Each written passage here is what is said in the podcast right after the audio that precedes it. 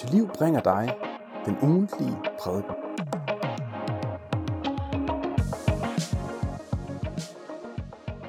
Og hvordan kæmpe mod synden. Og øh, jeg hedder som sagt Manuel, for dem her, som ikke øh, sådan kender mig i øvrigt, så bor jeg i Græsted. Nej, undskyld. Det er fordi, jeg lige ser op på Jonathan, som er min nevø, og tænker på min bror, som lige har flyttet til Græsted. Vi er flyttet til Hillerød. Sorry. Du, du, du. Det gik stærkt. Uh, ja. Uh, bor i Hillerød. Jonathan er min nevø. Jeg har min yngste datter uh, med i dag, Clara, lige blevet forlovet. Så ved man, at man er ved at blive uh, midalderne. Og uh, vi bor i Hillerød, min hustru Rikke og jeg, og uh, vi har tre voksne børn. Øh, til hverdag så øh, arbejder jeg i noget, der hedder COVI, som er en rådgivningsvirksomhed, som arbejder sådan med ingeniør, kunst og arkitektur. Uh, og så, øh, så kan jeg også sige, at jeg, jeg har trådt mine barneben her i Nansensgade LM, og vi sad deroppe, og det var ikke hver gang, det var hver eneste gang, så sad vi deroppe. Der var simpelthen faste pladser øh, dengang. Øh, og så, jamen, vi, øh, jeg talte lidt med min datter her på vej hen om det her med, at øh, hvordan kæmpe mod synden. Det er sådan, oh, okay, det er søndag formiddag, og så lige på hårdt, og måske er der nogen af jer, som ikke er vant til at, at komme i kirke, eller sådan, så kan det godt lyde sådan lidt interessant. øh, og jeg, jeg nåede bare sådan lige at tænke, ja, både og, altså, øh, i dag så oplever jeg sådan set mange, der er villige til at bruge relativt meget tid på sådan, hvordan, hvordan holder jeg op med at spise for meget, eller øh, hvordan lader jeg være med at drikke for meget, eller hvordan kan jeg arbejde med mig selv. Det er man sådan set øh, ret villig til. Og hvis jeg nu skal prøve at sige sådan lidt øh, ind, ind, i, ind i en almindelig sammenhæng, så vil jeg sige, for kristne så er synd øh, en erkendelse af, at der er noget, der er rigtig skadeligt i vores eget liv for os selv og for andre mennesker. Og vi vil ikke bare lade stå til. Øh, det er ikke som sådan selvforbedring, for at jeg kan have det bedre med mig selv. Men det er bare en erkendelse af, at der er noget i vores liv, som er mørkt, og som vi ikke ønsker bare skal have lov til at florere. Hvis øh, du har nogle spørgsmål til mig undervejs, øh, eller kommentarer, så er du velkommen til at sms'e til mig på det her telefonnummer. Og ellers vil jeg sige, hvis ikke du er vant til at, at komme i kirke, så er du bare så meget velkommen her i dag. Og måske kan du se det som en mulighed for at kigge ind i, ind gennem vinduet, ind til kristenlivet. Hvad, hvad indeholder det også? Og det indeholder også det her. Da jeg voksede op øh, og kom i Luthers mission, så var det ikke noget, jeg hørte så meget om. Måske noget om, hvorfor kæmpe mod synden, men ikke så meget om, hvordan. Jeg prøvede også at finde nogle sange i sange og salmer, der handlede om det. Det, det var svært. Valgte jeg to, der sådan, øh, kom ind på, på noget af det, som, som det her har med at gøre i hvert fald. Øh, jeg tror, det har noget at gøre med, at, øh, at det, som man gik meget op i dengang at få fastslået, og det synes jeg, der er rigtig vigtigt i, og det gør man måske også stadigvæk øh, med rette, det er, at at vi skal ikke blive logiske, som man kalder det. Det skal ikke komme til at handle om, at kristenlivet er noget, man skal gøre, så man rigtig, eller lade være med at gøre, så man rigtig. Det, det er jo godt. Det er vigtigt. Eller det skulle ikke hedde sig, at man havde vundet en kamp over synden, fordi så blev man jo hårdmodig. Men hvis vi ser i Bibelen, i det nye testamente, så kan vi sige, at det at kæmpe mod synd, i vores liv. Mod alt det, som ikke vokser ud af tro, alt det, som er Gud imod, det er slet ikke i modstrid med evangeliet. Tværtimod. Det er en følge af evangeliet, og evangeliet er et fremord for, det er de gode nyheder om, hvad Gud har gjort for os, en gang for alle i historien. Både i verdenshistorien og i din historie, du som er kristen. Det er ikke i modstrid med det.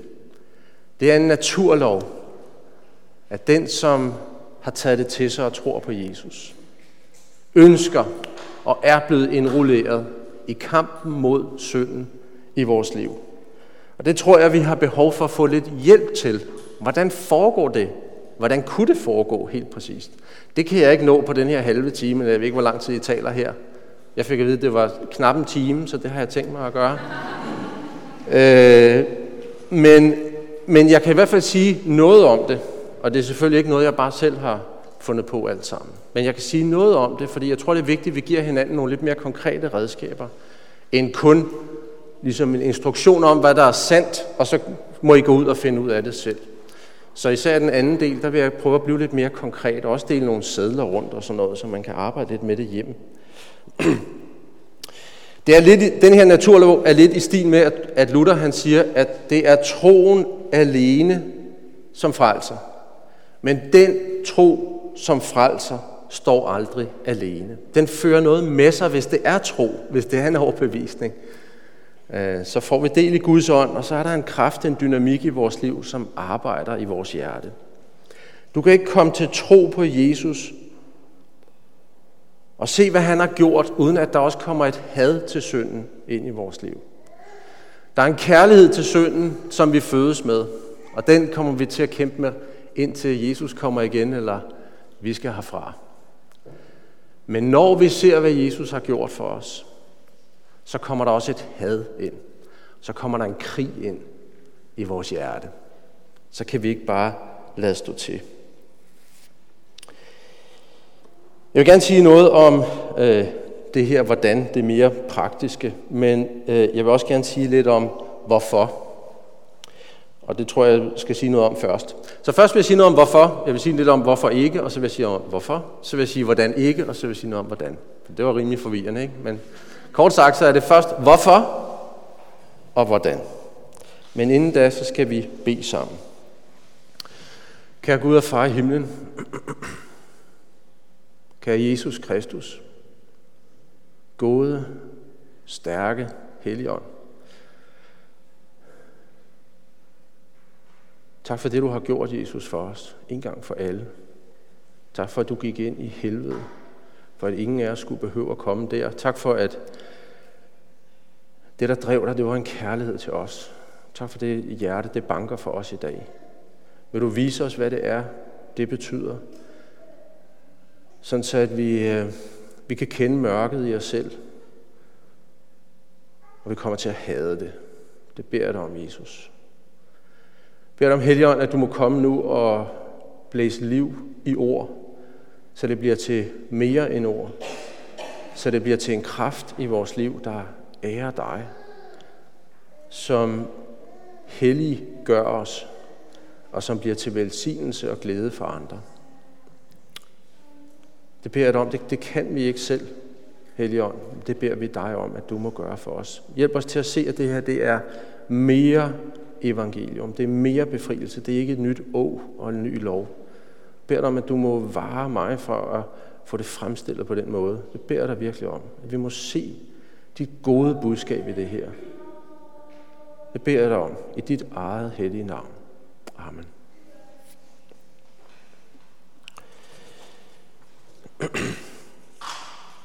Hvis jeg først skal sige lidt om, øh, hvorfor så vil jeg sige, at der er en del, øh, der er en del grunde til, at man kan engagere sig i kamp mod synden, som ikke er specielt gode. For eksempel så kunne det være, at man siger til sig selv, hvis ikke jeg kæmper mod synden, så holder Gud op med at elske mig. Altså hvis ikke jeg får taget mig sammen og gjort noget ved det her, så stopper Gud med sin kærlighed. Det er ikke sandt. Gud elsker, hans hjerte er som en kilde, der vælger med kærlighed til os.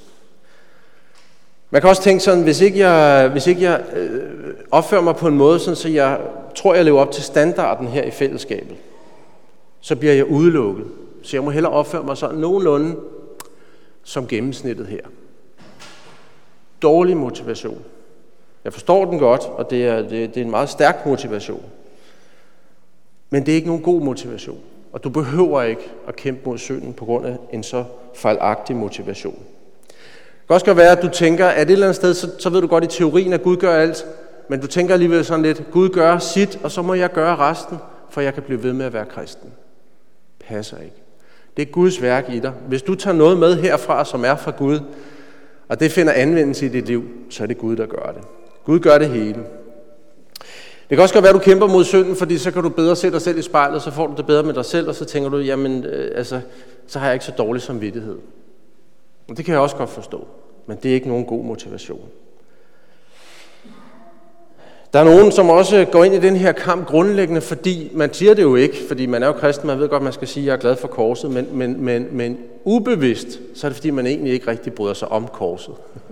Så man går ind i kampen mod synden for at undgå korset.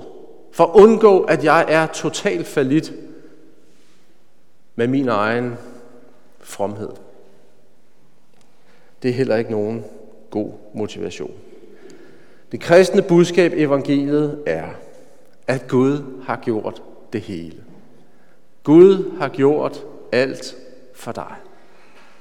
Det gjorde han, da Jesus døde på korset og sagde, det er gjort. Arbejdet er gjort. Det vigtigste i dit liv, det skete for 2000 år siden. Og den dag, du tog imod det, som Jesus har gjort. Det er gjort en gang for alle, og det er der intet af det, jeg kommer til at sige. Og intet af det, du kan gøre i dit liv, som kan ændre en tødel på. Okay? Tak Peter for, at du nikker. Der er liv i forsamlingen. Det er godt. Hvorfor er det så, at vi overhovedet skal tale om at kæmpe mod synden? Jamen det skal vi, fordi det både står i Bibelen, men også fordi, at Bibelen beskriver noget, som jeg siger, som er en naturlov. Øh, I Efeserne kapitel 4, vers 1, så står der, Lev, så det svarer til det kald, I fik. Altså, I har fået et kald, I har, I har hørt evangeliet, i er blevet født på ny, Gud har gjort det hele, han har skabt det i jeres hjerte, så lad det finde udfoldelse i jeres liv. Lad være med at leve, som om der intet er sket med jer. Og, og så kan man godt sige, at hvis det er en naturlov, så sker det vel af sig selv. Mm, ja, der er to naturlove i vores liv. Der er en, der ønsker at dræbe det nye liv, og der er en, der ønsker, at det nye liv skal komme til fuld udfoldelse. Og det nye liv, det er det, som alle formeningerne forsøger at inspirere og guide og opmuntre. Og derfor så siger Paulus også, så kommer han også med nogle formaninger, som siger, lev det nu ud. I er nye mennesker, det gamle er forbi, noget nyt er blevet til. Men så lev som sådan. Lad være med at vende tilbage til de gamle vaner, som om I stadigvæk var slaver, fordi I er frie, lænken er brudt. Han skriver også i Romerne kapitel 8, vers 12-13, Brødre, så skylder vi da ikke kødet, og kødet det er udtrykket for vores gamle, syndige natur. Altså, og bare, altså, den syndige natur, det er ikke kun det der med, at øh, jeg horer, eller jeg lyver, eller jeg misunder andre osv. Altså kødet, det er alt det, som er imod Gud. Så kødet kan se rigtig fromt ud. Kødet kan se ud som, jeg er et, et, et rigtig godt menneske på mange måder, men jeg, det, jeg klarer den selv. Det er også kødet. Okay? Så det er det gamle styresystem, kødet.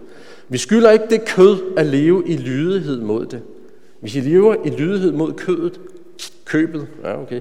Kødet skal I dø, men hvis I ved åndens hjælp dræber og så vil jeg godt, der i oversættelsen står lægemets, men jeg våger at kalde det kødet til at kødets gerninger skal I leve. Der er ingen tvivl om, og det her det er en rød tråd i det nye testamentets undervisning, at der er al mulig grund til at tage kampen op mod det gamle slaveri, mod det gamle styresystem, mod alt det, der er Gud imod, som ikke ærer ham, som ikke gavner dig, men dræber livet i dig, og som har konsekvenser for mennesker omkring dig.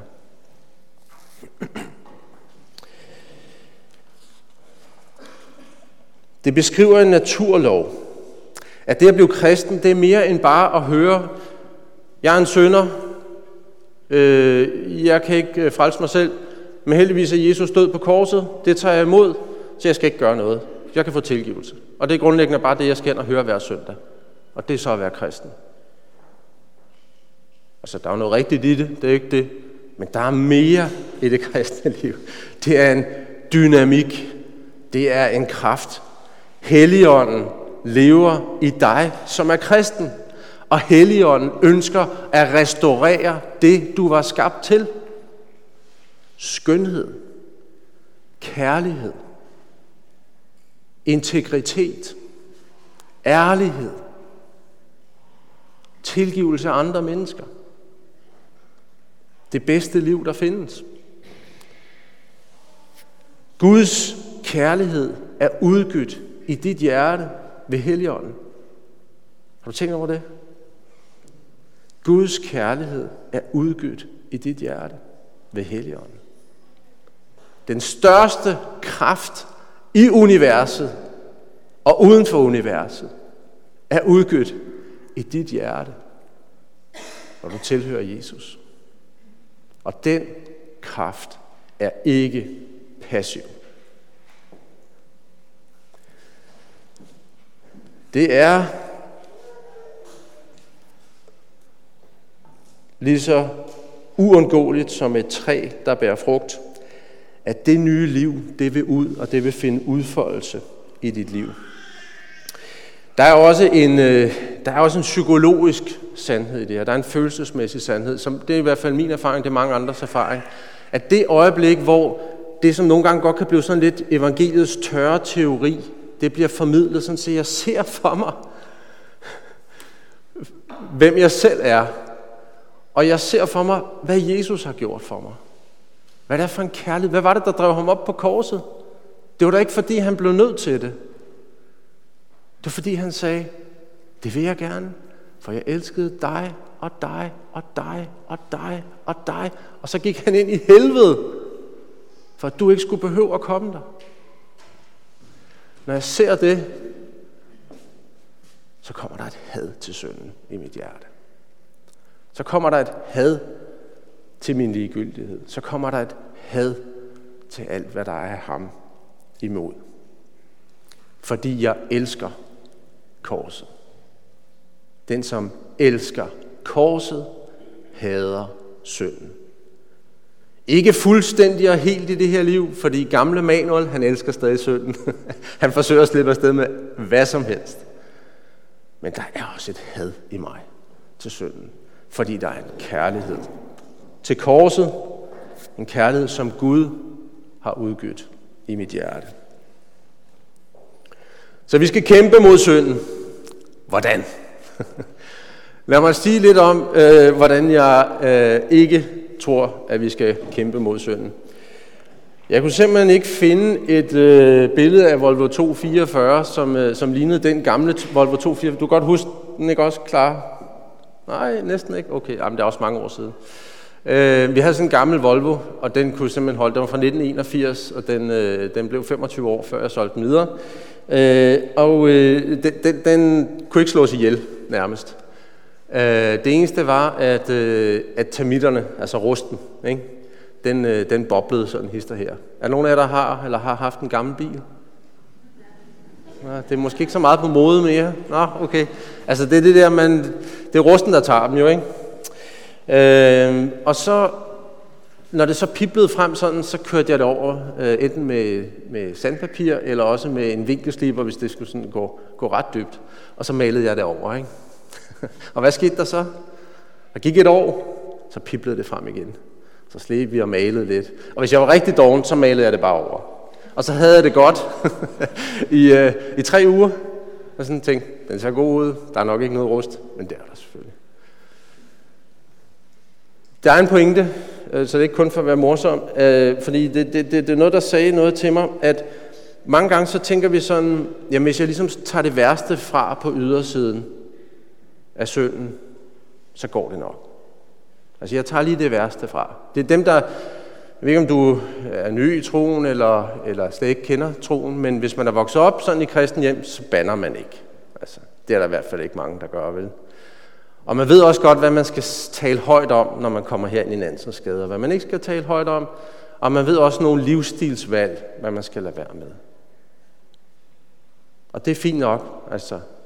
Det er der ikke noget galt med jo overhovedet. Det er bare ikke ligesom hjertets tro, vi ændrer så meget ved, ved det. At bare lige male lidt ovenpå, så det hele ser lidt pænt ud. Tag det værste fra os og tro. Det er det, det handler om. Det Gud taler om, det er en indefra og ud forandring. Han vil gerne have fat ind i dit hjerte. Han vil gerne have fat derinde, hvor din dybeste tro og overbevisning sidder. Det du virkelig stoler på. Det du virkelig elsker. Fordi det er det, der styrer resten af dit liv. Det, der skulle være sket, det var, at man skal skære hele pladen ud og sætte en helt ny på. Og det er det, Gud ønsker i dit liv. At tage sig sammen kan godt være en del af kampen mod synden, men det må bare ikke være. Det styrende princip i kampen mod synden. Så taber du. Eller også så vinder du lidt, og så bliver du hårdmodig. Og det, der, havde, der havde de gamle ligesom ret. I Efeserne kapitel 4, så beskriver øh, Paulus den her proces, som den kristne går ind i, som at afføre sig det gamle menneske og iføre sig det nye. At afklæde sig alt det gamle og få noget helt nyt på. Er det en let proces? Hvordan affører man sig det gamle menneske? Det er ikke mig, der er på øh, billedet, selvom frisyren øh, ligner, men nogle gange så får jeg en massagebehandling øh, af alle mulige årsager. Og øh, hvis man skal det, så bliver man ligesom nødt til at tage noget af sit tøj af og øh, lægge sig på briksen. Og det kan faktisk godt være ret grænseoverskridende. Det kan være svært, fordi kan jeg nu have tillid til behandleren? Kan jeg have tillid til behandleren? Og lidt på samme måde, så kan det være svært for os som mennesker at afklæde os det gamle menneske, fordi det handler faktisk om at stå nøgen. At stå nøgen over for Gud. At afklæde sig, at bekende, at erkende og bekende vores synd, så vi står nøgne over for ham. Hvorfor har vi så svært ved det? Det så kan vi have svært ved det, fordi det at afklæde os og erkende, hvad vi egentlig indeholder, det kan være med til at ødelægge vores billede af os selv som sådan rimelig okay mennesker. Altså, jeg vurderer som regel mig selv ud fra, jeg kigger lidt på de andre, så siger jeg, ah, jeg er lige over gennemsnittet. så går det nok. Ikke? Og så kommer jeg ind for den hellige Gud, og så skal jeg bekende det hele sådan, som det er. Er det let? Er det let at sige tingene, som de er, til Gud og måske til en anden kristen? Er det let?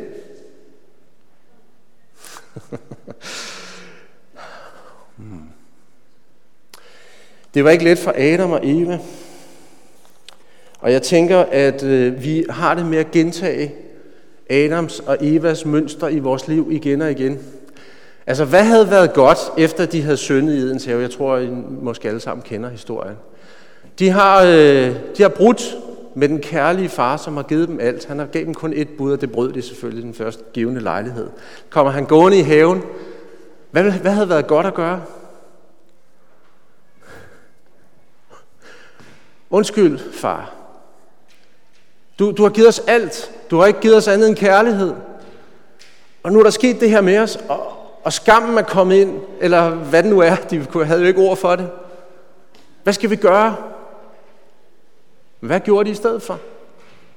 De gemte sig. Netop fordi de skammede sig. De gemte sig. De skjulte sig med alle tænkelige midler.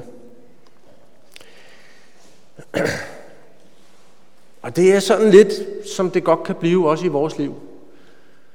Vi tror på evangeliet i teorien, men i virkeligheden så gemmer vi os.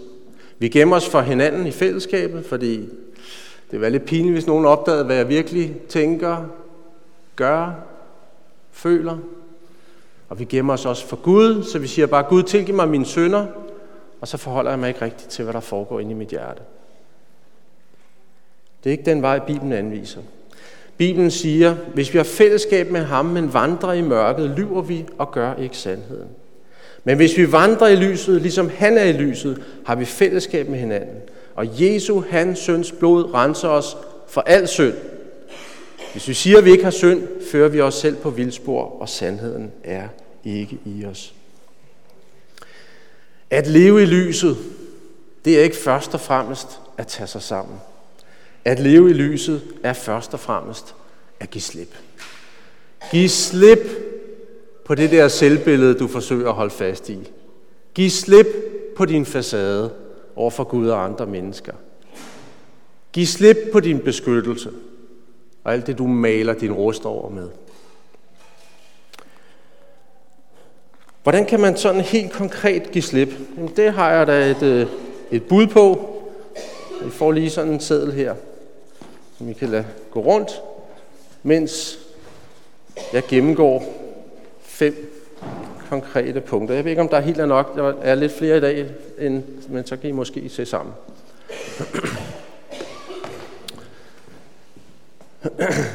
Hvordan kunne det se ud?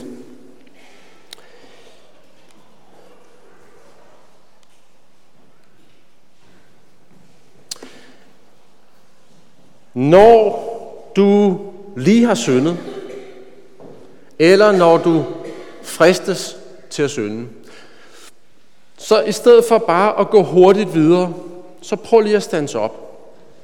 Så prøv lige at stands op. Øh, som regel, hvis jeg lige har, er blevet bevidst om, jeg synder jo ret tit, for at sige det sådan. Øh, og det meste af tiden, så bemærker jeg det ikke engang selv jo. Men det sker jo nogle gange, jeg bliver bevidst om, der syndede jeg. Jeg forløb mig. Eller jeg løg. Eller jeg bagtalte. Når jeg lige har syndet, det er ubehageligt at blive opmærksom på, så har jeg lyst til at hurtigt bede en tilgivelsesbøn og så videre. Ikke? Nu foreslår jeg dig bare, at du lige stopper op.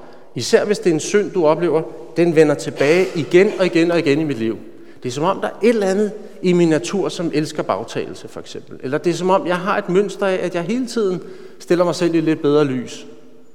Så prøv lige næste gang, du bliver opmærksom på det. Og i stedet for på hurtigt at bede om tilgivelse, så hurtigt videre, stop op. Reflekter. Stop op og reflekter. Hvad var det lige, der skete? Inviter Jesus indenfor til at kigge på det sammen med dig. Det der ukrudt, der vokser op. Spørg ham, hvad er det i mit hjerte, jeg tror? For det synd kommer altid ud af, at der er noget i mit hjerte, jeg tror, som er løgn, eller noget i evangeliet, jeg ikke tror i mit hjerte. Lad mig give et eksempel på det. Hvis jeg bagtaler andre mennesker, så er det fordi, jeg tror i mit hjerte, at jeg skal skaffe mig selv ret for den uretfærdighed, hun lige gjorde mod mig. Kan I følge mig? Jeg tror ikke på, at hvis jeg skal have ret over for dem, der har gjort mig uret, så er det op til Gud. Hvis jeg lige har løjet, så er der også noget i evangeliet, jeg ikke tror på. Jeg tror ikke på, at jeg er købt fri fra at skulle fremstille mig selv eller situationen i et bedre lys, end det behøver at være, for jeg er fuldstændig tilgivet. Jeg er fuldstændig elsket af ham. Så hvorfor har jeg brug for at lyve? Kan I følge mig?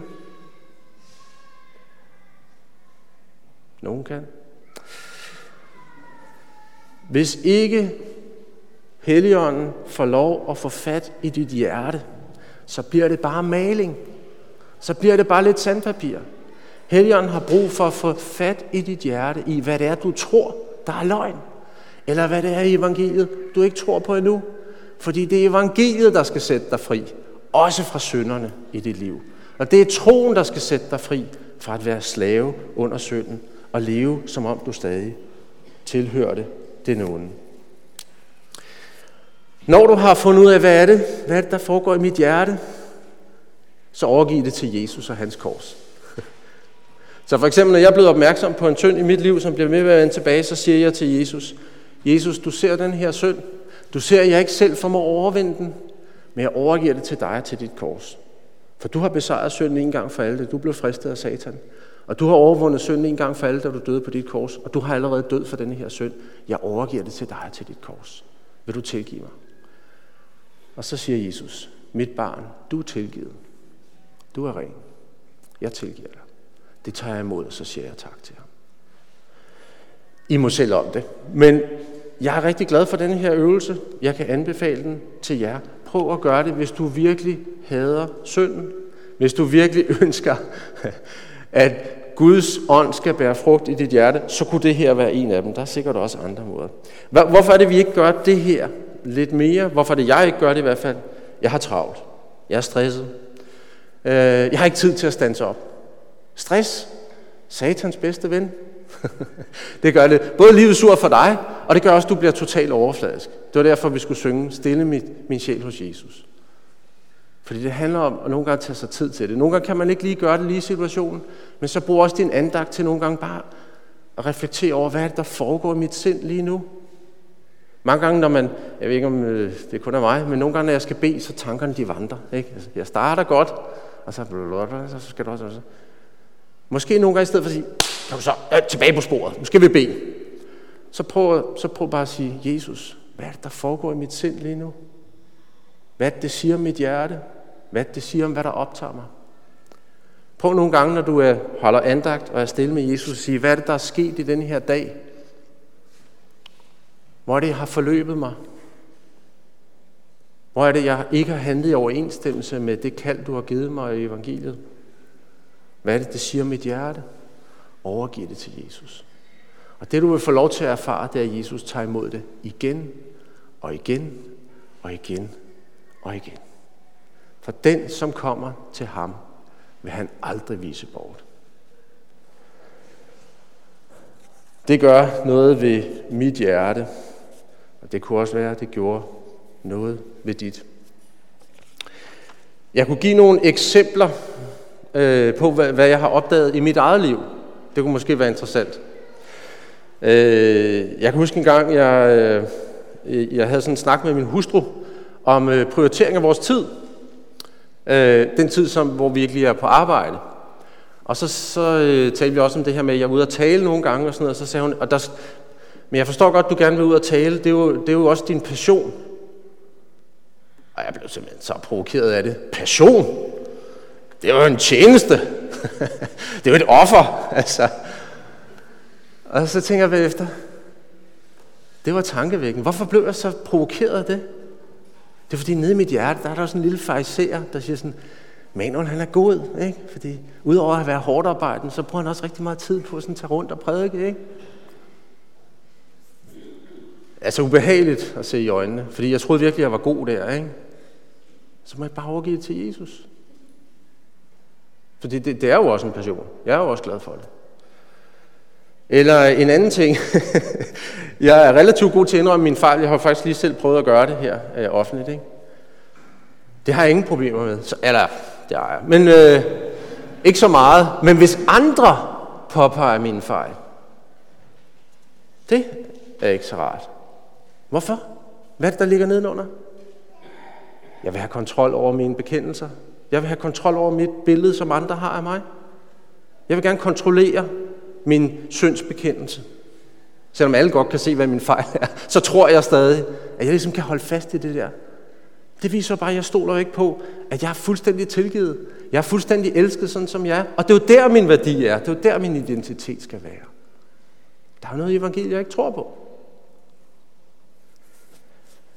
Jeg har opdaget, at jeg tjekker mine, øh, mine konti ret meget, selvom jeg har masser af penge. Og det har du også. Du tror det ikke, men det har du verdens, på verdensplan. Jeg tjekker min konto ret meget. Så meget, så jeg nogle gange har sagt, nu skal du have en periode, hvor du ikke tjekker den. Hvorfor? Jeg troede på Gud. Jeg troede på, at han giver mig alt. Hmm. Måske har jeg bygget min sikkerhed på noget andet. Pinligt. Pinligt. Gud har givet mig alt. Og alligevel så har jeg penge som afgud. Jeg har rigeligt. Du må gerne få nogle af dem, hvis du mangler. Ja, men jeg kan, også blive, øh, jeg kan også blive ved, men vi skal også slutte, og det er jeg med på. Øh, jeg vil bare sige, øh, øh en anden ting, jeg har opdaget, det er, at mine tanker kredser om mig selv. Altså, selv åndeligt så kredser de om mig selv. og jeg tænker sådan, men jeg tror, altså jeg elsker faktisk Jesus, det gør jeg virkelig, fordi altså, det her, det, han, han, han svigter mig aldrig, han har gjort så meget for mig. Men i virkeligheden, så tænker jeg 10 millioner gange mere på mig selv, end på ham. Pinligt. Men jeg må overgive det til ham. Jeg må overgive det til ham, så sige, jeg magter ikke at overvinde de her sønder og vantro afguder men jeg overgiver det til dig. Og ved I hvad? Han har aldrig svigtet mig. Han tilgiver mig. Det kunne også betyde noget for vores fællesskaber. Jeg oplever nogle gange, at vores fællesskaber er lidt ligesom jeg gerne vil have, at vores græsplæne skal være, hver gang der kommer gæster. Altså, når vi har gæster, så er der øh, en ting, som min kone insisterer på, det er, at der skal vaskes vinduer, og jeg insisterer på, at der skal slås græs. Og hvis der kommer nogen, og der ikke er slået græs, nu er flyttet, det, det er jo så i sommerhuset nu, så kan jeg simpelthen ikke have ro på mig. Og jeg, og jeg har tænkt over, hvad er det, hvad er det, det der med græsset? Og jeg har fundet ud af, at det er fordi, jeg tænker, at hvis folk de kommer, og så ser en græsplæne, der ikke er slået, så, så tænker de sådan, han kan ikke engang finde ud af at slå sit græs. Har han overhovedet styr på sit liv? Og på samme måde, så kan vores fællesskaber godt være sådan, de andre kristne skal i hvert fald ikke opdage alt det ukrudt, der er i min baghave.